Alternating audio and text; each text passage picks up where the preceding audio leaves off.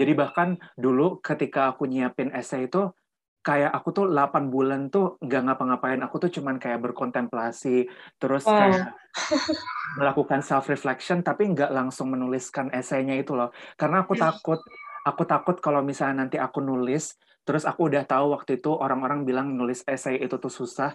Kayak aku takut kalau misalnya aku nggak bagus ketika pertama kali nulisnya tuh gimana ya aku eh, Hmm. feelingnya um, untuk kita tahu pathway atau trajectory karir interest kita tuh penting banget juga sih Bill dalam Hmm. proses aplikasi karena itu akan menjadi satu pertanyaan utama yang nanti akan ditanyakan sama pihak Hmm. admission committee kamu melalui essay dan lain sebagainya. Jadi pertama-tama penting untuk tahu um, karir um, interest kamu tuh ke arah mana gitu. Mungkin kalau misalnya aku nggak bertahan di saat itu, mungkin aku nggak akan bisa sampai di titik sekarang kayak walaupun um, mungkin orang-orang bilang bahwa MIT MIT ini tuh mungkin Hmm. memang hanya batu pijakan, tapi aku ngerasa ini adalah satu privilege yang um, nggak semua orang bisa Iya. dapatkan gitu. Jadi aku mensyukuri banget sih sama apa yang diberikan sampai sekarang.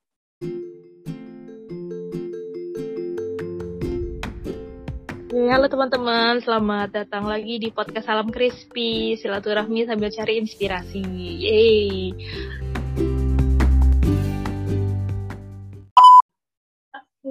Halo teman-teman, selamat datang lagi di Salam Crispy, silaturahmi Yeay. Yeay.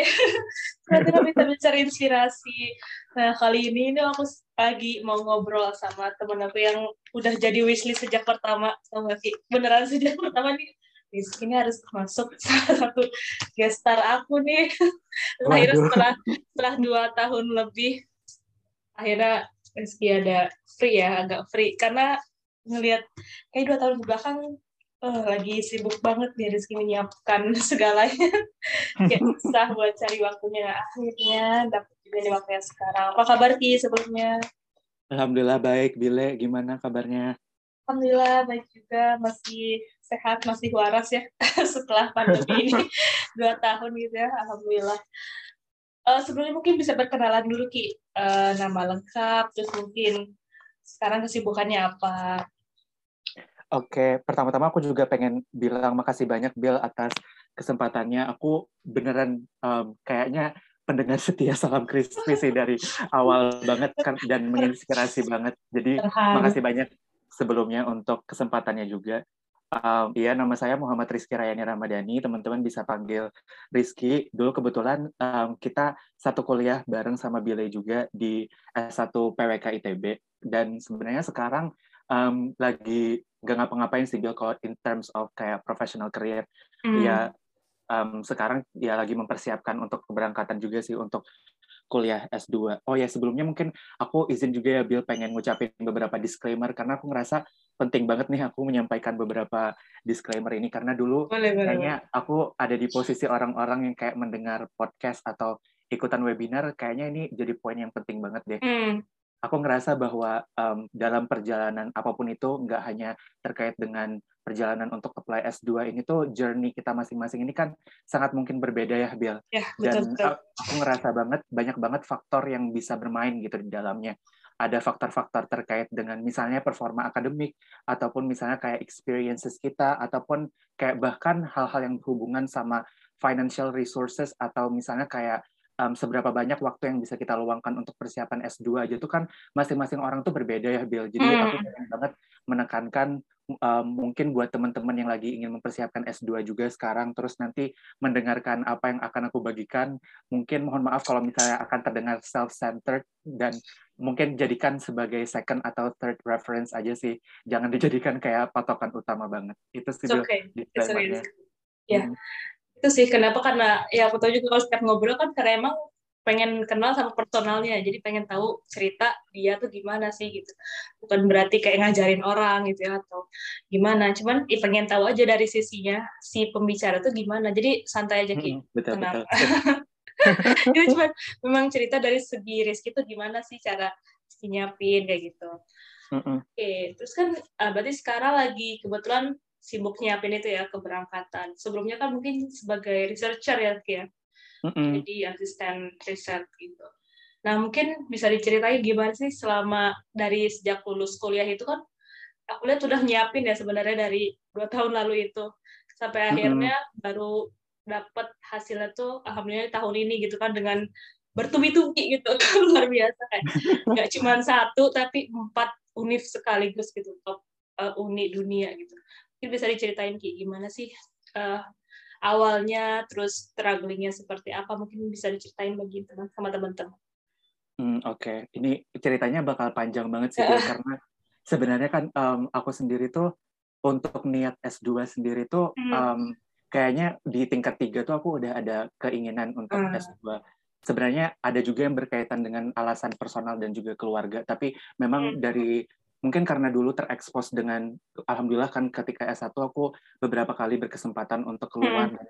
kayak terekspos juga kan dengan kayak bagaimana um, education quality di luar dan hmm. jadi dari kesempatan-kesempatan itu tuh aku jadi sudah kayak terbayang sih aku pengen S2 di luar jadi sebenarnya bahkan hmm. di tingkat 4 itu tuh aku udah mulai nyari-nyari beasiswa dan juga nyari-nyari kayak kampus-kampus gitu Bill bahkan aku sempat kayak uh, apply kayak satu beasiswa dari Poland pada saat itu karena waktu itu sebenarnya lebih ke kayak pengen testing the water aja sih kayak hmm. pengen, pengen tahu aku tuh mungkin gak ya bisa keterima di satu program beasiswa dan alhamdulillah waktu itu keterima karena memang um, kayak requirements-nya tuh tuh beneran simple banget nggak hmm. ada nggak ada IELTS nggak ada GRE segala macam hmm. nggak ada hmm. letters of recommendation dan waktu itu alhamdulillah um, bisa keterima tapi kan waktu itu aku nggak tahu Bile dulu kayak gimana ngerasanya ketika hmm. baru lulus. Tapi aku ngerasa ketika baru lulus ini tuh aku ngerasa terlalu generalis gitu loh Bill. Aku tuh ah, iya, iya. nggak tahu minat aku tuh ke mana secara profesional dan juga secara akademik interestnya tuh ke mana gitu. Jadi aku ngerasa mungkin perlu dulu nih nge-extend ke, di professional career. Tapi sebenarnya untuk purpose atau tujuan S2 sendiri tuh sebenarnya ketika bahkan S1 tuh aku udah pengen S2 karena dulu tuh memang salah satu career interest aku tuh kan ingin menjadi akademisi ya Bill hmm. dan um, aku dulu ketika S1 juga kayak Bill kan sempat jadi teaching assistant hmm. dan di situ tuh aku suka banget um, aku suka untuk kayak nggak tahu kenapa aku ngerasa suka aja gitu berbagi ketika menjadi teaching assistant dan aku ngerasa aku pengen juga nih terlibat dalam pengajaran terus ketika dulu S1 juga aku tuh suka mata kuliah yang berbau metodologi gitu kayak hmm, MAP, MAP.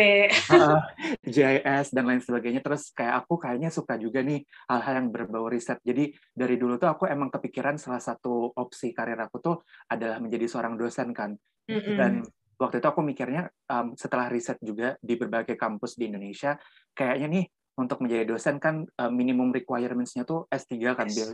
Mm jadi aku ngerasa kayak uh, stepping stone yang terdekat tuh mau nggak mau S2 gitu tapi seiring dengan berjalannya waktu um, ya tadi sih salah satu concern utamanya aku masih belum tahu interest aku secara akademik ini ke mana aku merasa masih terlalu generalis gitu loh aku hmm. suka hmm. infrastruktur aku suka housing aku suka urban design segala macam aku tuh nggak tahu gitu spesifiknya ke mana akhirnya aku memutuskan untuk bekerja dulu sampai akhirnya long story short aku menemukan minat aku yang secara spesifik sih di hmm. um, infrastructure planning, governance, dan juga financing. Um, dan waktu itu tuh mungkin setelah tiga tahun berkarir, aku baru kayak kepikiran kalau misalnya aku tetap dalam jalur um, akademik ini tuh, aku ngerasa kayak istilahnya tuh incremental gain atau kayak penambahan ilmu aku kalau misalnya tetap di track karir aku tuh kayaknya nggak akan terlalu berkembang deh. Mm -hmm. dan, dan makanya aku ngerasa perlu S2 dan akhirnya mulailah dari situ Bill. Sebenarnya hmm. secara ongoing melalui progres karir ini itu um, udah mulai beberapa kali um, mencoba peruntungan kayak aku sempat juga apply buat jadi research student di Jepang terus juga oh. um, sempat ketolak di Harvard baru akhirnya tahun kemarin ini aku memberanikan diri buat apply kelima uh, hmm. dan baru keterima di tahun ini. Mungkin kalau misalnya pengen tahu spesifik hmm. masing-masing tahapan itu, bila boleh kok uh, yeah. buat diskusi lebih lanjut. Oke okay, oke. Okay. Di sampai akhirnya bisa memutuskan kelima ini tuh gimana ki? Dan apakah itu emang karena barengan? Atau kamu emang cobanya secara sekuensial, nah ini dulu terus ini atau gimana ki? Karena kan orang maksudnya nyiapin satu aja tuh susah loh ki. maksudnya aku lihat, aku belum pengalaman sih, cuman aku lihat satu aja itu susah belum beasiswanya belum cari recommendation kan berarti satu-satu nih ya untuk masing-masing mm -hmm. uni ini Rizky tuh bisa nyiapin lima sekaligus tuh gimana Oke, okay. mungkin ini um, akan berkaitan juga sih ke satu hal yang menurut aku penting banget ditekanin kalau misalnya teman-teman hmm. Sekarang lagi nyiapin S2 banget gitu. Mm. Um, menurut aku penting banget sih untuk mendefinisikan tadi ya kebutuhannya atau yeah. gap kita tuh di mana sama yang gak kalah penting ini adalah interest kita tuh di mana Bill secara spesifiknya. Mm. Um, aku ngerasa um, jadi tuh alasan pemilihan lima univ ini tuh karena aku ngerasa interest aku dalam bidang infrastructure planning, governance, dan juga financing. Sama aku juga sebenarnya tertarik juga sama isu-isu uh, permukiman informal, Bill.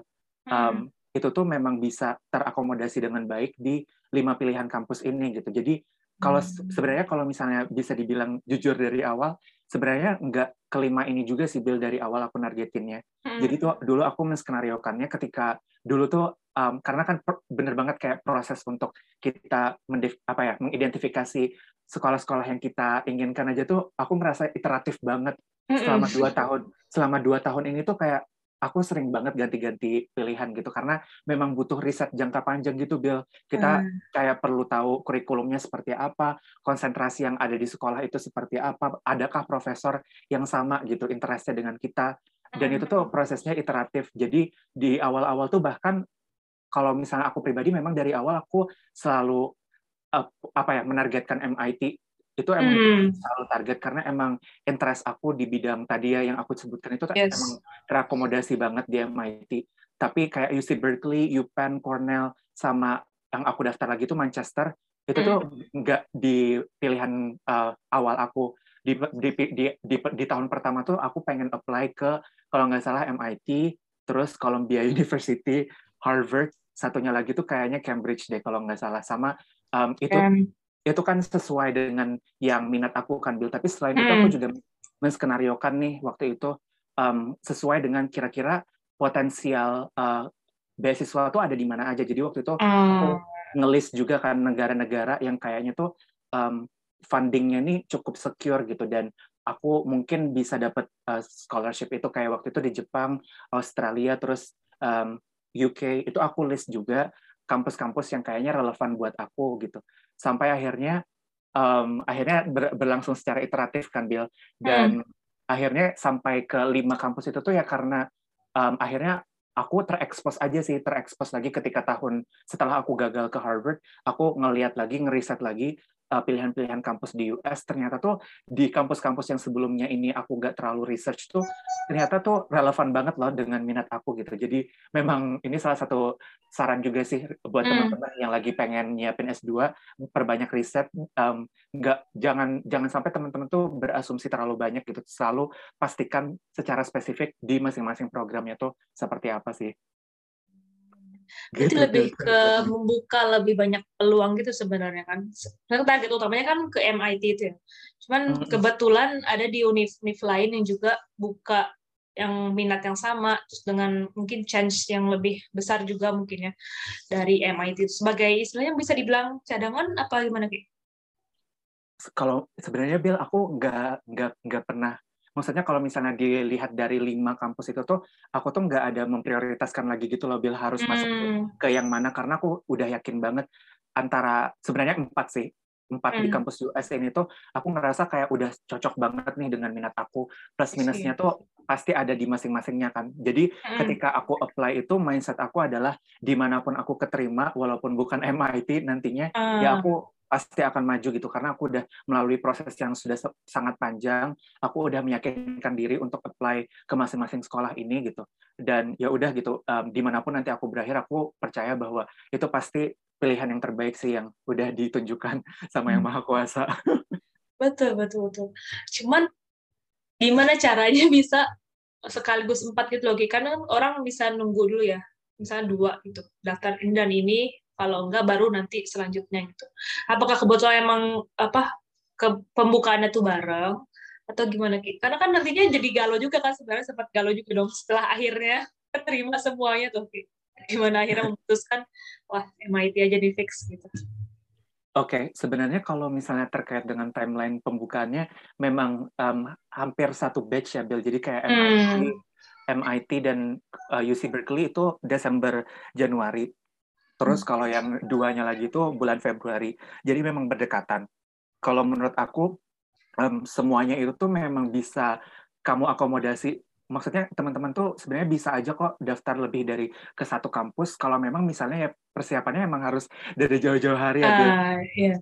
nggak mungkin bahkan menurut aku enam bulan sebelum deadline aja menurut aku itu udah agak mepet nih bukan berarti nggak hmm. mungkin ya tapi menurut aku tuh udah mepet banget untuk bisa apply lebih dari satu kampus um, hmm. dan menurut aku itu masih possible karena memang kan interest tadi interest tadi kan sama kan ya yang aku bawa di masing-masing um, sekolah ini tadi gitu jadi hmm. terkait dengan essay um, aku bisa kayak ngebikin satu essay misalnya satu essay utama dulu gitu, baru nanti ke masing-masing sekolahnya tuh aku bedain di beberapa part bagian essaynya itu gitu. Jadi kayak untuk apply ke lima kampus ini tuh nggak kayak mulai dari nol lagi, tapi ada hal-hal oh. yang hal-hal yang overlap kan, Bill, yang bisa kita hmm. manfaatkan juga untuk ke sekolah lainnya. Jadi sebenarnya masih possible kok kalau misalnya teman-teman ingin apply lebih ke satu kampus. Baik sih. Sebenarnya dari berbagai banyak persiapan itu kan banyak hal yang harus disiapin ya selain mental juga selain fisik dan mental itu apa yang paling sulit dari menyiapkan beasiswa dan apply ke univ-univ dunia itu aku gimana ya Bill kalau misalnya pinpoint kayak mungkin orang-orang kan kalau misalnya ditanya dengan pertanyaan ini mereka bisa pinpoint oh hmm. yang paling yang paling susah tuh nyiapin GRE misalnya oh hmm. atau nyiapin essay tapi kalau oh, buat aku susah sendiri, kalau menurut aku semuanya tuh susah banget Bill maksudnya uh. Aku ngerasa masing-masing bagian dari aplikasi ini tuh memang harus diperhatikan karena misalnya hmm. kayak dulu aku menganggap remeh misalnya kayak resume kan ah paling resume ini tinggal ngeformat doang gitu tapi hal-hal yang mungkin kita bisa lihat uh, itu tuh minor ternyata tuh bisa banget berdampak signifikan sama bagaimana hmm. delivery um, penyampaian uh, dokumen-dokumen itu jadi mungkin aku bakal lebih menjawab pertanyaan ini tuh dari perspektif prosesnya aja ya Bill hmm. menurut aku yang paling susah tuh memulai sih Uh. Ini mungkin terdengar super klise, tapi aku yeah. tuh, aku tuh aku tuh kan tipe orang yang mungkin aku punya standar tertentu gitu sama uh, quality of my work. Aku yes, tuh yeah. kayak perfectionist juga kan. Mm. Jadi bahkan dulu ketika aku nyiapin essay itu kayak aku tuh 8 bulan tuh nggak ngapa-ngapain. Aku tuh cuman kayak berkontemplasi, terus oh. kayak melakukan self reflection tapi nggak langsung menuliskan esainya itu loh. Karena aku takut aku takut kalau misalnya nanti aku nulis terus aku udah tahu waktu itu orang-orang bilang nulis essay itu tuh susah kayak aku takut kalau misalnya aku nggak bagus ketika pertama kali nulisnya tuh gimana ya aku hmm. uh, feelingnya terus misalnya kayak aku nyiapin IELTS juga atau TOEFL IBT kayak aku ngerasa takut gitu loh buat memulai gimana kalau misalnya nanti aku nggak bisa aku nggak bisa memenuhi ekspektasi aku sendiri gitu tapi setelah melalui proses perjalanannya ini juga satu hal yang mungkin bakal banyak banget teman-teman hadapi juga. Mungkin aku juga pengen ngasih saran sih, kayak hmm. semakin banyak teman-teman membuka diri, maksudnya semakin banyak teman-teman kayak membiarkan teman-teman untuk bisa punya waktu yang lebih.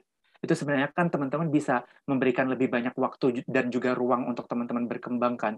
Jadi hmm. ini salah satu kesalahan yang dulu aku juga lakukan, aku admit itu, uh, harapannya teman-teman um, gak usah menunda-nunda langsung lakukan hal-hal yang menurut teman-teman actionable gitu. Jadi jangan procrastinate sampai last minute sih. Whatever banget, benar. Jangan menunda-nunda. Itu buat aku sendiri sih. Untuk hal-hal sehari-hari aja ya. Kayak, jangan pikirin gimana gitu ya. Harus kerjain beneran mulai dari kalau bisa sekarang kenapa harus nanti gitu ya. Tapi hmm. mungkin emang ada kaitannya karena ya aku tahu kamu perfeksionis banget ya. Jadi kayak emang pasti sulit banget buat Rizky karena harus semuanya harus dipersiapkan dengan matang. Kalau aku mungkin lebih ke kerjain dulu lah apa yang aku bisa gitu. Iya, tergantung orang-orang ya. Iya, nggak ada kontemplasi-kontemplasi gitu. Oke, okay. terus kalau misalnya dari se semua proses ini, kira-kira apa sih yang kan pernah sempat gagal juga di Harvard, balik ke hmm. Terus apa yang buat kamu tuh bisa ah mulai lagi deh langsung gitu kan, nggak sampai misalnya apakah ada masa-masa terpuruknya atau emang langsung kamu bergerak set set, set harus mulai lagi gitu? Aduh um, apa sebenarnya Bill ketika tahun 2021 kemarin hmm. itu tuh aku banyak banget sih isu-isu personal isu keluarga segala macam hmm. dan juga isu pekerjaan jadi itu bisa dibilang kayak 2021 tuh kayak memang lagi dalam hmm. proses pendewasaan banget sih tapi aku ngerasa dari awal tuh aku udah punya purpose gitu loh Bill untuk yeah. menjalani proses uh, kenapa aku ingin S2 ini gitu. Jadi apalagi waktu itu aku udah dari awal kan aku selalu kayak menargetkan MIT kan sebenarnya walaupun di akhirnya aku kayak letting go aja gitu kayak di mana pun aku diterima ya terserah gitu tapi aku Hmm. ngerasa kalau misalnya aku nggak nyoba tuh mungkin nanti kayak sepanjang umur hidup aku tuh aku mungkin akan selalu bertanya-tanya gitu kenapa dulu aku nggak mencoba kan untuk uh, Hmm. satu hal yang aku targetkan ini gitu terus kalau misalnya kayak kenapa pada saat itu aku langsung aja kayak maksudnya nggak memberikan waktu untuk bernafas atau kenapa waktu itu aku nggak menunda-nunda karena aku ngerasa kayak pertama tadi ya Bill aku ngerasa purpose aku tuh udah kuat gitu untuk apalagi Mm-mm. untuk apalagi aku menunda-nunda dan aku ngerasa waktu itu memang waktu yang optimal aja sih Bill untuk aku um, mengupayakan ini karena dari awal tuh juga kenapa aku berkarir di lab itu salah satu alasannya karena aku me, kayak melihat bahwa pekerjaan di lab ini kan fleksibel ya Bill. Jadi aku Mm. ngerasa aku bisa sembari menyiapkan aplikasinya gitu. Jadi aku ngerasa nggak ada alasan buat aku menunda-nunda lagi karena ini waktu yang udah optimal gitu buat aku walaupun pada saat itu aku juga kayak mikirnya kalau misalnya pada saat itu aku ternyata gagal lagi Bill aku Mm. memang udah berencana oh mungkin emang ini jalan yang udah diberikan gitu kan. Mungkin aku perlu mengekspos diri lagi gitu ke mungkin professional work di luar dari kegiatan akademik gitu.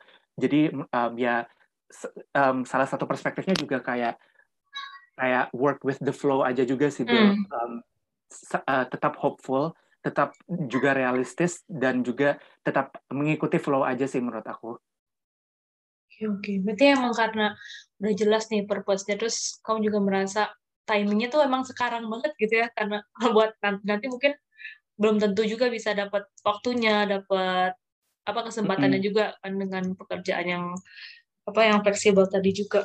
Oke, Mm-mm. nice, nice. bener Terus banget oh, dari seg ada nih yang nanya gimana sih caranya biar bisa konsisten gitu Ki dalam berusaha kan ngelihat kalau ngikutin journey-nya Rizky selama beberapa tahun ke belakang tuh kayak ada apa target-target to do list terus dengan ya dengan target-target yang emang kamu ses, berusaha selesaiin gitu. Gimana sih caranya konsisten Ki? Konsisten dan gak gampang nyerah buat ya mengejar mimpi-mimpi yang besar itu. Aduh, ini um, pertanyaannya agak sulit dan harus direfleksikan sih. Tapi kalau buat aku, aku pun ketika dalam menjalani proses ini tuh, gimana ya, Bil? Aku tuh fluktuasi energinya tuh nggak yang selalu stagnan juga gitu. Nggak, bukan berarti waktu itu aku selalu bersemangat, selalu apa ya, keep on going. Maksudnya ada masa-masa di mana aku tuh juga down banget gitu loh. Ketika aku waktu itu misalnya baru aja uh, gagal waktu itu aku Hmm. juga kayak perlu perlu momen buat aku untuk kayak diem dulu nggak usah nggak usah menyentuh hal-hal yang berkaitan dengan admission gitu. Jadi aku perlu mengakui bahwa aku nggak yang sekonsisten itu juga. Tapi menurut aku pertama ketika teman-teman punya tujuan yang kuat mau bagaimanapun nanti teman-teman um, kayak uh, journey-nya seber, seberapa berlikalikunya journey yang akan teman-teman hadapi. Kalau misalnya dari awal teman-teman punya purpose yang kuat mau bagaimanapun nanti pasti bisa lagi gitu bounce back buat kembali lagi gitu. Karena ya tadi sih makanya penting banget untuk teman-teman kayak memperkuat fondasi purpose tadi. Karena itu juga yang akan mengembalikan teman-teman ketika di masa-masa sulit itu gitu. Terus yang kedua mungkin ini tips juga sih kayak Hmm. mungkin teman-teman juga perlu kayak supporting system yang mungkin sedang menjalani proses yang sama gitu. Karena mungkin ini waktu tahun pertama kan aku ada beberapa temen yang menjadi support system kan Bill dan Hmm. memang lingkungan ini tuh penting banget walaupun mungkin misalnya kita nggak terlalu saling membantu dalam hal-hal yang kayak materi dalam artian kayak mungkin kita nggak terlalu nge-review essay uh, atau nggak ngebantu-bantu secara substansi tapi setidaknya kayak saling menceritakan perjuangan kita, saling apa ya menyemangati. Menurut aku itu kayak jadi energi yang kuat banget sih untuk kita bisa terus ngebantu kita juga untuk konsisten. Karena aku uh, ngebandingin juga sih ketika aku di tahun kedua, di mana aku benar-benar hampir nggak ada um, Hmm. supporting system itu susah banget juga sih untuk kayak bounce back. Tapi selain menem, kayak mencari um, supporting system tadi mungkin teman-teman juga bisa ciptakan juga ya maksudnya nggak perlu teman-teman pasif uh, menunggu orang lain untuk men, uh, baru teman-teman kayak bergabung tapi teman-teman bisa kayak menciptakan um, supporting system itu tersendiri karena sekarang tuh udah banyak banget sih resources yang bisa digunakan kayak sekarang ada kayak ada beberapa mentorship program yang bisa teman-teman mm. ikuti terus kayak ada misalnya teman-teman ingin review essay itu ada kayak satu institusi juga yang bisa mm. um, teman-teman ikuti juga um, secara um, gratis gitu jadi kayak sebenarnya bisa dibentuk sendiri sih um, supporting system itu mungkin itu sih dua hal yang aku mm. kepikiran sekarang Bill Hmm, jadi harus tahu dulu nih jelas yang tadi jelas dan kuat landasan purpose sama support system itu sendiri ya, Ki. Benar sih setuju. Karena dalam hal apa pun kayak kerjaan aja gitu karena aku ngerasanya kalau nggak ada teman atau yang benar-benar bisa minimal bener kayak teman curhat atau teman berbagi itu karena ngerasanya selama ada dia atau ada teman itu nggak ngerasa sendiri itu penting banget sih karena bisa ah, bikin semangat dan ya bisa bertahan di antara banyak gelombang. Terus mungkin tadi kan cita-cita, mungkin kalau ditanya cita-cita seorang Rizky Raya itu mau jadi apa sih Ki? Saat dosen yang meneliti kah atau mengajar dan mungkin nanti karir ke depannya nih setelah nanti mungkin lulus kuliah apakah mau langsung lanjut S3 di luar atau gimana? Atau balik dulu kah? Oke. Okay, pasti udah ada nih, pasti udah ada pathway-nya, aku yakin.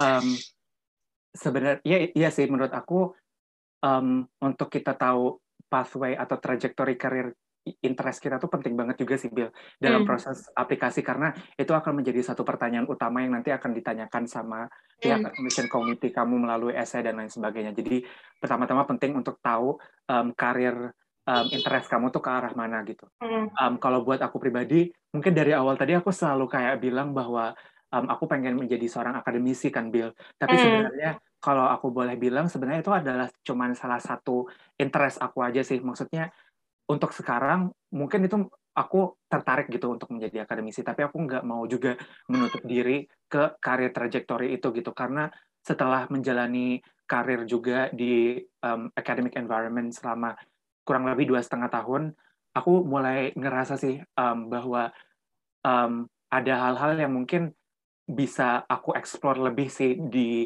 um, trajektori lain atau di pathway lain gitu. Um, mm.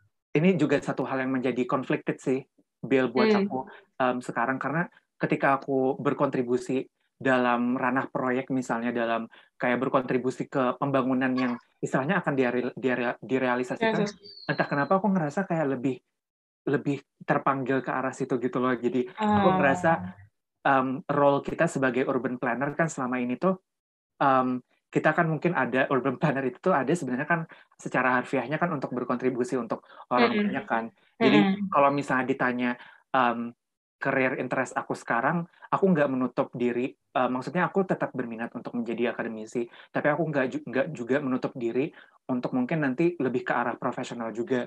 Um, kalau misalnya ditanya secara spesifik, aku memang tadi sih bilang aku pengen banget berkecimpung dalam hal-hal um, yang mungkin berkaitan dengan kayak informal housing atau berkaitan dengan kayak tadi sih infrastructure governance, infrastructure financing dan juga planning. Mm -hmm um, mungkin kalau ditanya secara spesifiknya, um, aku tertarik banget sekarang untuk bekerja kayak di International Development Agency gitu, karena aku aku ngerasa kayak um, di International Development Agency ini tuh kayak banyak banget sih pekerjaan-pekerjaan yang memang membahas tentang um, yang interest-interest yang aku sebutkan tadi gitu, dan memang um, ini juga salah satu alasan kenapa aku S2, maksudnya bukan berarti aku punya minat karir ini aku nggak perlu S2, tapi karena aku ngelihat hmm banyak banget karir-karir yang di secara profesional di minat aku ini tuh memang minimum requirement-nya tuh S2 gitu loh Bill. Jadi aku hmm. merasa walaupun aku punya minat uh, pekerjaan yang lain selain menjadi akademisi ini, aku ngerasa tetap valid gitu untuk aku. Iya. um,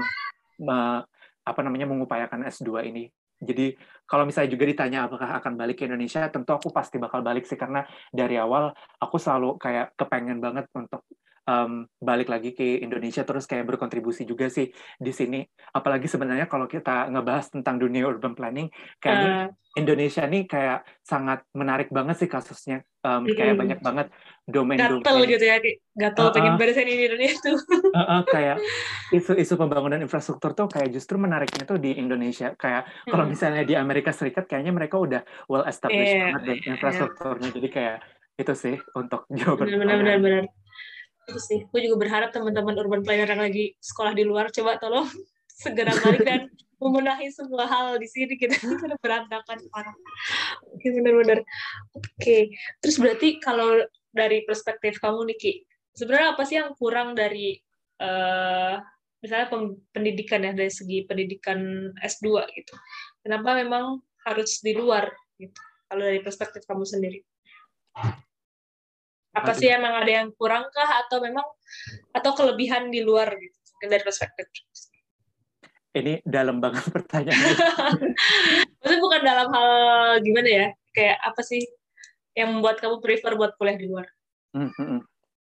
Sebenarnya kenapa aku kepengen di luar? Sebenarnya karena aku ngerasa kalau misalnya di dalam negeri, aku bukan bermaksud untuk mendiskreditkan universitas-universitas hmm. dalam yeah. negeri, tapi emang disclaimer ya betul. menurut aku universitas-universitas di dalam memang untuk interest aku tuh belum terlalu tereksplor aja sih Bill hmm. kayak terkait tadi infrastructure governance, financing. Aku ngerasa mungkin kebanyakan orang-orang yang um, menempuh pendidikan S2 um, maksud aku menurut aku S2 di dalam negeri ini mungkin lebih didesain untuk orang-orang yang mungkin di luar bidang plano ya entah kenapa karena aku ngerasa hmm. mungkin aku udah pernah beberapa maksudnya aku pernah terlibat dalam um, review kurikulum juga kan Bill untuk S2 hmm. sama S3 di ITB uh, sebagai yeah. salah satu benchmarkingnya. Aku ngerasa um, kayak um, yang ditekankan um, kembali gitu di pendidikan S2 tuh ya menyentuh hal-hal yang foundational lagi gitu loh jadi aku ngerasa kayak walaupun tentu ada penambahan-penambahan ya di hmm. level S2 dalam negeri tapi aku ngerasa aku pengen beyond dari foundational itu juga gitu aku pengen hmm. hal-hal hmm. yang spesifik banget hal-hal yang niche yang sebelumnya belum aku jangkau di pendidikan sebelumnya di S1 aku pengen juga gitu untuk mengeksplorasi hal-hal itu sih di S2 hmm. dan aku ngelihat juga sih Bella secara walaupun aku belum memulai perkuliahan ya tapi aku ngelihat kayak budaya akademik di luar tuh bener-bener kuat banget readingsnya. Jadi aku hmm. ngerasa ketika lulus tuh kayak wisdom untuk ngeplan tuh bener-bener kuat banget sih di luar. Kalau misalnya mungkin aku nggak bisa bilang bagaimana lulusan S2 dalam negeri, tapi aku mengamatinya kayak mungkin um, kayak masih dalam ranah teknikal gitu loh. Sedangkan kalau di luar tuh kayak udah di engage dalam pemikiran yang istilahnya udah level wisdom banget gitu. Mm. orang-orang di challenge-nya. Makanya mungkin itu salah satu keunggulan juga sih kenapa aku pengen di luar bil. Alright, alright. mereka lebih ke teori itu merasuk. Merasuk mm. dalam-dalam ya. Jadi nggak cuma buat gimana biar cepat selesai tapi memang dari hulu ke hilir itu lebih ya lebih jelas gitu ya. Betul. Setuju setuju sih terus cara caranya sebenarnya nyari minat tuh gimana sih Ki?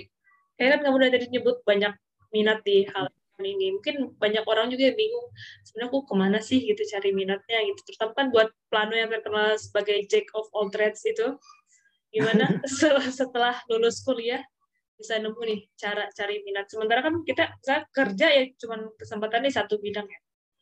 Selain apakah mungkin kita bisa menemukan minat selain jadi asisten riset kayak Menurut aku, ah ini pertanyaan yang menarik juga sih. Hmm. Menurut aku, memang harus perlu mengekspos diri ke berbagai macam minat sih, Bill. Um, terkait hal ini, aku paham sekali sih. Mungkin ketika kita bekerja, mungkin kita tereksposnya kan ke satu bidang aja ya. Tapi aku ngerasa ya. ketika kita berbicara tentang plano pun sebenarnya kan kaitannya nggak hanya ke satu bidang yang kita katakanlah kuasai kan. Misalnya kayak kita ngebahas tentang infrastruktur, kayak sering kali kita juga ngebahas tentang dimensi lainnya kayak misalnya lingkungan atau hmm. misalnya kita ngebahas tentang um, juga tentang housing misalnya atau tentang land gitu tentang hmm. land use juga um, aku nggak tahu sih um, bagaimana career trajectory um, teman-teman yang lain tapi menurut aku sebenarnya um, sangat mungkin juga sih kita mengekspos diri ke minat-minat yang lain karena kan sekarang juga resource pembelajaran tuh udah terbuka banget kayak mungkin teman-teman bisa coba cek-cek kayak semacam uh, courses di luar yang teman-teman bisa coba sekali dua kali gitu. Cek kayak misalnya resources yang uh, kayak ada di World Bank atau kayak di ADB Asian Development Bank itu mereka nge-offer banyak banget courses. Um, selain daripada itu jujur aku masih juga nggak terlalu tahu sih karena kan tiap orang punya konteks mereka masing-masing kan kayak, kayak gimana mereka untuk mengekspos diri mereka sendiri. Tapi itu sih intinya um, expose diri ke berbagai macam opportunity yang ada. Uh, mau nggak mau kita harus meluangkan waktu um, aku tahu mungkin banyak banget orang-orang di luar sana yang mungkin agak kurang privilege ya dalam hal waktu hmm. ini tapi untuk bisa menemukan minat um, yang mungkin berada di luar hal yang kita uh, udah terekspos sebelumnya um, memang kita harus bisa meluangkan waktu sih uh, hmm. mungkin bisa ikutan juga ke berbagai webinar dan aku rasa udah udah banyak banget juga sih media-media kayak online yang bisa mengekspos kita terkait pengetahuan-pengetahuan di interest lain. Benar sih karena sekarang kalau soal resource itu emang udah nggak terbatas ya kayak lagi di masa pandemi ini oh, webinar di mana-mana terus courses itu udah mulai menjamur lagi. Cuman tinggal kitanya mau atau enggak ini sebenarnya buat aku sendiri ngomong to myself. Ya pengen explore hal-hal cuman masih belum mau nih masih belum ada waktu dan kesempatan. Oke okay, hmm. makasih banyak terus selama ini kan mungkin aku ngelihatnya Aris itu dari SMP mungkin ya sampai SMA kuliah sampai mau S2 ini lebih banyak apa istilahnya mungkin kayak mulus gitu jalur apa jalan pendidikannya gitu kan bisa dibilang gitu apakah emang dari dulu prinsipnya Rizky itu lebih ke akademik dan soal apa ambis Niki apakah kamu merasa kamu seorang yang ambis dan menurut kamu sendiri apakah ambis itu positif atau gimana? Hmm, aduh, ini pertanyaannya dalam ini. Sebenarnya gimana ya, Bill? Um, aku tuh aku perlu mengaknowledge bahwa aku emang dari kecil tuh prioritasnya akademik banget sih, Bill. Mm. Karena memang aku katakanlah dibesarkan dalam keluarga yang mungkin secara ekonomi itu kita di middle lower income kan. Um, aku harus bilang um, keluarga aku tuh nggak yang se well established itu secara ekonomi dan ketika aku kecil tuh kita dalam um, taraf ekonomi yang mungkin um, agak concerning lah ya istilahnya. Hmm. Dan waktu itu aku ketemu real real life real life uh, example banget sih dari kedua orang tua. Dulu tuh kayak kedua orang tua harus sacrifice waktu mereka ketika aku kecil kayak menitipkan aku ke nenek dan ke kedua orang tua kayak harus ninggalin selama bertahun-tahun kayak dan aku ngelihat sendiri gitu di kehidupan aku bagaimana kayak sekarang um, karena mereka nge-pursue pendidikan yang lebih baik, pendidikan yang lebih tinggi itu berangsur-angsur, walaupun kita masih berada dalam kategori yang sama, um, ekonomi yang sama, tapi aku ngerasa ada improvementnya gitu. Mungkin dari situ tuh kayak aku terinspirasi banget juga sih dari sosok kedua orang tua kayak bagaimana mereka seserius itu dulu untuk menempuh pendidikan dan mungkin itu juga sih experience yang membentuk aku juga karena dulu kan mm. um, papa aku juga dulu um, dosen kan di salah satu institusi swasta juga di Kalimantan. Jadi emang dari kecil tuh kayak udah ditan ditanamin banget dari keluarga. Nggak cuman hal-hal yang berkaitan sama um, omongan-omongan doang gitu, tapi emang aku hmm. melihat real life examples aja sih dari um, sosok-sosok yang ada di keluarga. Jadi itu benar-benar inspire aku untuk kayak fokus ke akademik dan kayak mengimprove diri juga secara akademik sebaik-baiknya. Um, karena menurut aku entah kenapa aku berpikirnya memang di ranah akademik ini gitu yang menurut hmm. aku secara personal aku bisa mengimprove diri sebaik mungkin gitu karena aku ngerasa susah nih untuk menjangkau opportunity lain gitu di luar dunia akademik karena aku ngerasa aku juga masih less privilege juga um, susah untuk menjangkau opportunity-opportunity lain gitu. Jadi aku ngerasa ketika aku udah diberikan kesempatan di dunia akademik ini tuh, aku harus mengupayakan yang terbaik sih. Karena mungkin nggak tahu kan kita sampai kapan gitu. Mungkin sangat mungkin kesempatan um, pendidikan kita tuh bisa diambil gitu. Apalagi kan banyak banget kan kesempatan-kesempatan lain yang bisa terbuka gitu. Hmm. Karena kita um, fokus gitu dalam dunia akademik dan bisa achieve well um, dalam berakademik. Tapi kalau misalnya Bill bilang ambisius, sebenarnya ini um, relatif ya, Bill. Hmm. Mungkin kalau misalnya aku udah punya kayak satu goal yang benar-benar aku ingin raih, mungkin bisa dibilang sih aku cukup ambisius. Um, tapi harapannya teman-teman yang lain juga nggak ngelihat diri aku sebagai ambisius yang apa ya, mungkin katakanlah um, ingin menang sendiri atau kayak um, pengen maju sendiri. Aku harap sih teman-teman tetap bisa ngelihat mungkin sosok aku yang juga mungkin pengen um, bareng-bareng tumbuh sih karena aku juga pengen banget sih um, bisa berbagi juga ke orang-orang lain. Keren keren. Aku suka selalu suka ngeliat orang yang passionate dari dari awal ya maksudnya track itu jelas kayak misalnya ada kalau kamu tahu itu Sri Izati namanya dia hmm. penulis KKPK dulu sekarang kan dia kuliah di Columbia lalu pernah ngeliat aku dari baca buku dia yang dia tulis 8 tahun sampai sekarang dia mau nulis tesis soal tulisan gitu. Novel tuh kayak keren banget ya kalau orang-orang udah punya purpose dari kecil dan jalannya tuh bener di situ aja gitu. Dan ini, kamu juga jadi salah satu contoh orang yang kalau kalau orang serius tuh beneran bisa sinar gitu loh di jalannya gitu. Walaupun yang kamu tadi bilang kamu nggak bisa nih mungkin mencari jalan yang lain tapi kamu di akademik ini benar-benar bisa memaksimalkan potensi dan keren banget plus. Makasih Bill dan dari sekian panjang perjalanan ini mungkin ada nggak sih Ki, sempat ada turning point dari sesuatu? Misalnya kamu apakah sebelumnya apa ada rasa nggak percaya diri itu sampai akhirnya kamu bisa lebih percaya diri dengan dengan diri kamu atau mungkin ada turning point lain gitu? Dalam mungkin sejak apakah sejak lulus atau bahkan sebelum lulus ada sebuah titik balik mungkin dari seorang Rizky Raya nih yang membuat um, uh, berubah gitu sebenarnya um, balik lagi ya Bill, maksudnya um, um, kayak aku selama ini tuh memang banyak banget sih, maksudnya nggak nggak lurus-lurus banget kayak hmm. um, selalu konsisten atau selalu bersemangat, selalu hmm. um, nggak yang selurus itu gitu.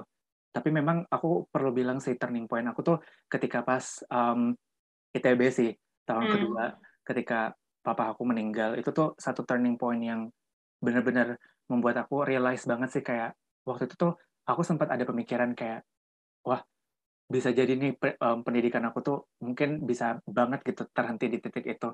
Jadi aku ngerasa kayak waduh um, kalau misalnya sempat kepikiran aku, kayak gitu uh -uh, sempat kepikiran kayak gitu. Pokoknya memang susah susah lah secara um, finansial dan lain sebagainya. Jadi kayak waktu itu tuh aku ngerasa semua walaupun semua hal yang ada di dunia ini tuh adalah kayak titipan tapi kayak kita harus mengupayakan yang terbaik juga kan dari apa yang dititipkan ini tadi gitu. Betul. Jadi sem dari uh, selagi aku punya kesempatannya aku harus kayak mengupayakan yang terbaik aja sih um, dari kesempatan-kesempatan itu. Kalau misalnya terkait turning point yang lain, just, jujur kayak selama perjalanan ini tuh aku mungkin juga tipe orang yang kayak gampang banget Bill mengkomparasi diri aku dengan orang lain. Dan itu hmm. sering banget sih mempengaruhi diri aku. Dan ya caranya mungkin untuk um, kita bisa tetap fokus sama goal kita ya sih itu. Kita harus sadar dengan um, be begitu banyaknya gitu. Hal-hal um, yang udah diberikan ke kita yang udah dititipkan ke kita um, banyak banget mungkin orang-orang yang less privilege yang nggak um, bisa gitu um, mendapatkan nikmat yang kita bisa dapatkan sekarang. Jadi mungkin jangan terlalu melihat ke orang-orang yang mungkin lebih baik ke kita juga dari kita juga, tapi mungkin lihat orang-orang di luar sana yang mungkin less fortunate dari kita, less privilege dari kita, dan mungkin kita bisa belajar dari situ um, bahwa banyak banget sih nikmat-nikmat yang udah dititipkan ke kita dan nggak kita syukuri dengan baik selama ini. Kayak wah aku ternyak sendiri. Berarti kayak karena kalau kita lihat ke atas terus tuh menurut sehingga kan ada habisnya nggak sih? Kita, banget. kita kayak ngeliat orang tuh uh, jadi ngerasa kurang terus gitu lah. Tapi kalau soal ya soal pencapaian yang nggak akan pernah sempurna sehingga bakal pernah habis. Itu kalau jujur Bill uh, gimana? Uh, uh jujur pas aku kayak baru lulus kuliah tuh aku sempat ada kayak pemikiran juga kan kayak aku sempat kayak ngerasa apa ya ragu-ragu apakah harus melanjutkan ke hmm. track karir yang udah disediakan gitu. Um, karena aku ngerasa kayak aku tuh dari kecil kayak ngerasa ketika aku um, pengen kerja aku tuh pengen banget independen atau setidaknya aku hmm. pengen kayak nge-support kan keluarga. Jadi aku hmm. ngerasa kayak di career track pada saat itu aku kurang ngerasa fulfilling dan aku kayak sempet banget ngera kayak nge apa namanya mengkomparasi diri aku dengan orang lain dari segi income.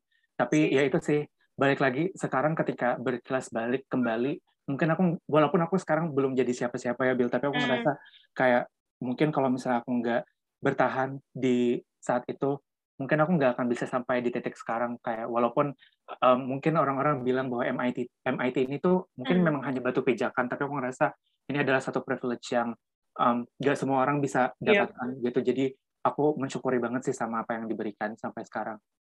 Banget mungkin dari sekian banyak tadi tadi sebenarnya udah banyak sih pesan-pesan yang kamu sampaikan ya buat teman-teman di luar sana kita mungkin mau melaksanakan atau mencapai sesuatu yang sama juga.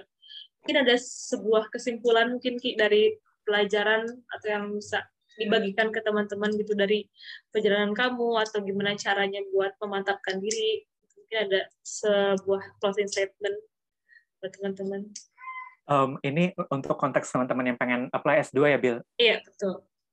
Mungkin kalau untuk konteks teman-teman yang pengen um, mem lagi mempersiapkan S2 sekarang pertama-tama mungkin balik lagi sih um, perkuat purpose kalian lagi gitu. Um, perkuat fondasinya. Um, sebenarnya kebutuhan atau gap dari diri kita untuk menempuh S2 itu apa sih? Kenapa sih kita harus um, S2 gitu? Jadi mungkin buat teman-teman yang sekarang masih belum menemukan tujuan atau kayak minat akademik yang spesifik nggak apa-apa gitu nggak usah ngelihat ke sana kemari dulu nggak usah mengkomparasi diri teman-teman ke orang yang lain hmm. gitu karena aku yakin juga pasti tiap orang tuh punya timeline mereka masing-masing yang work the best gitu untuk mereka. Siapa tahu mungkin dengan teman-teman misalnya menjalani karir yang teman-teman sekarang sedang tempuh, mungkin nanti bahkan jauh lebih matang ketika teman-teman siap um, dan nanti menjalani program S2-nya gitu. Terus yang kedua, selain tadi menemukan nali purpose-nya, juga selama perjalanannya tetap ingat purpose teman-teman kenapa memulai ini semua gitu dari awal.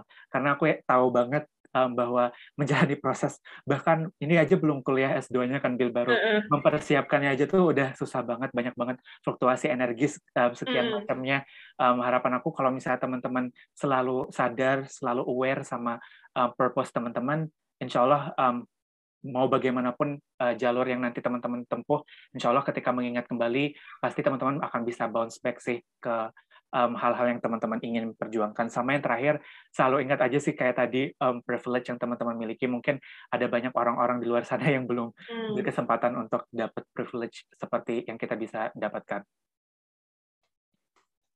Mungkin itu, Keren, keren, keren. Benar-benar setuju banget. Itu buat aku juga sih. Kayak pengen sih sebenarnya S2 itu kayak masih belum nemu purpose jadi masih ya nanti dulu aja.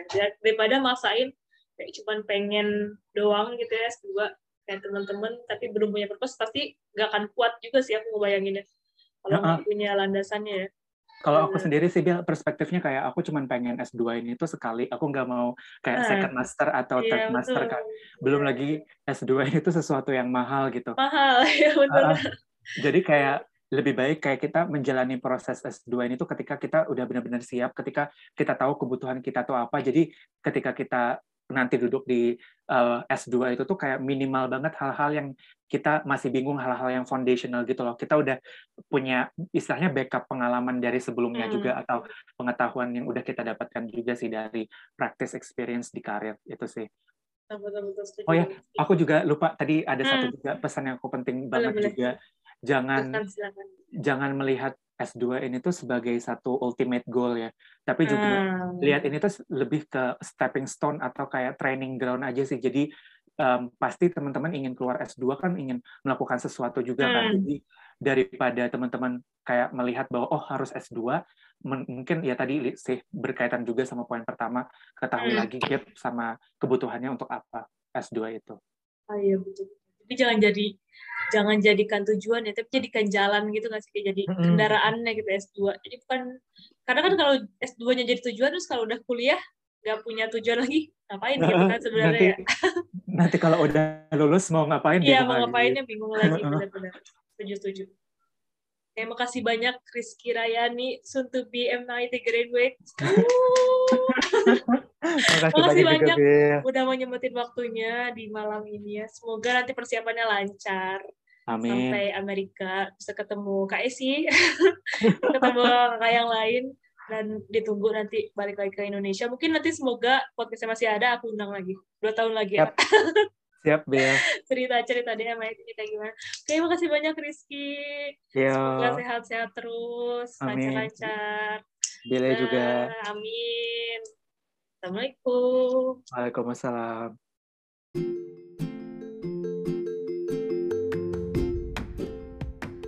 Terima kasih sudah mendengar episode kali ini. Semoga ada inspirasi yang bisa diambil ya.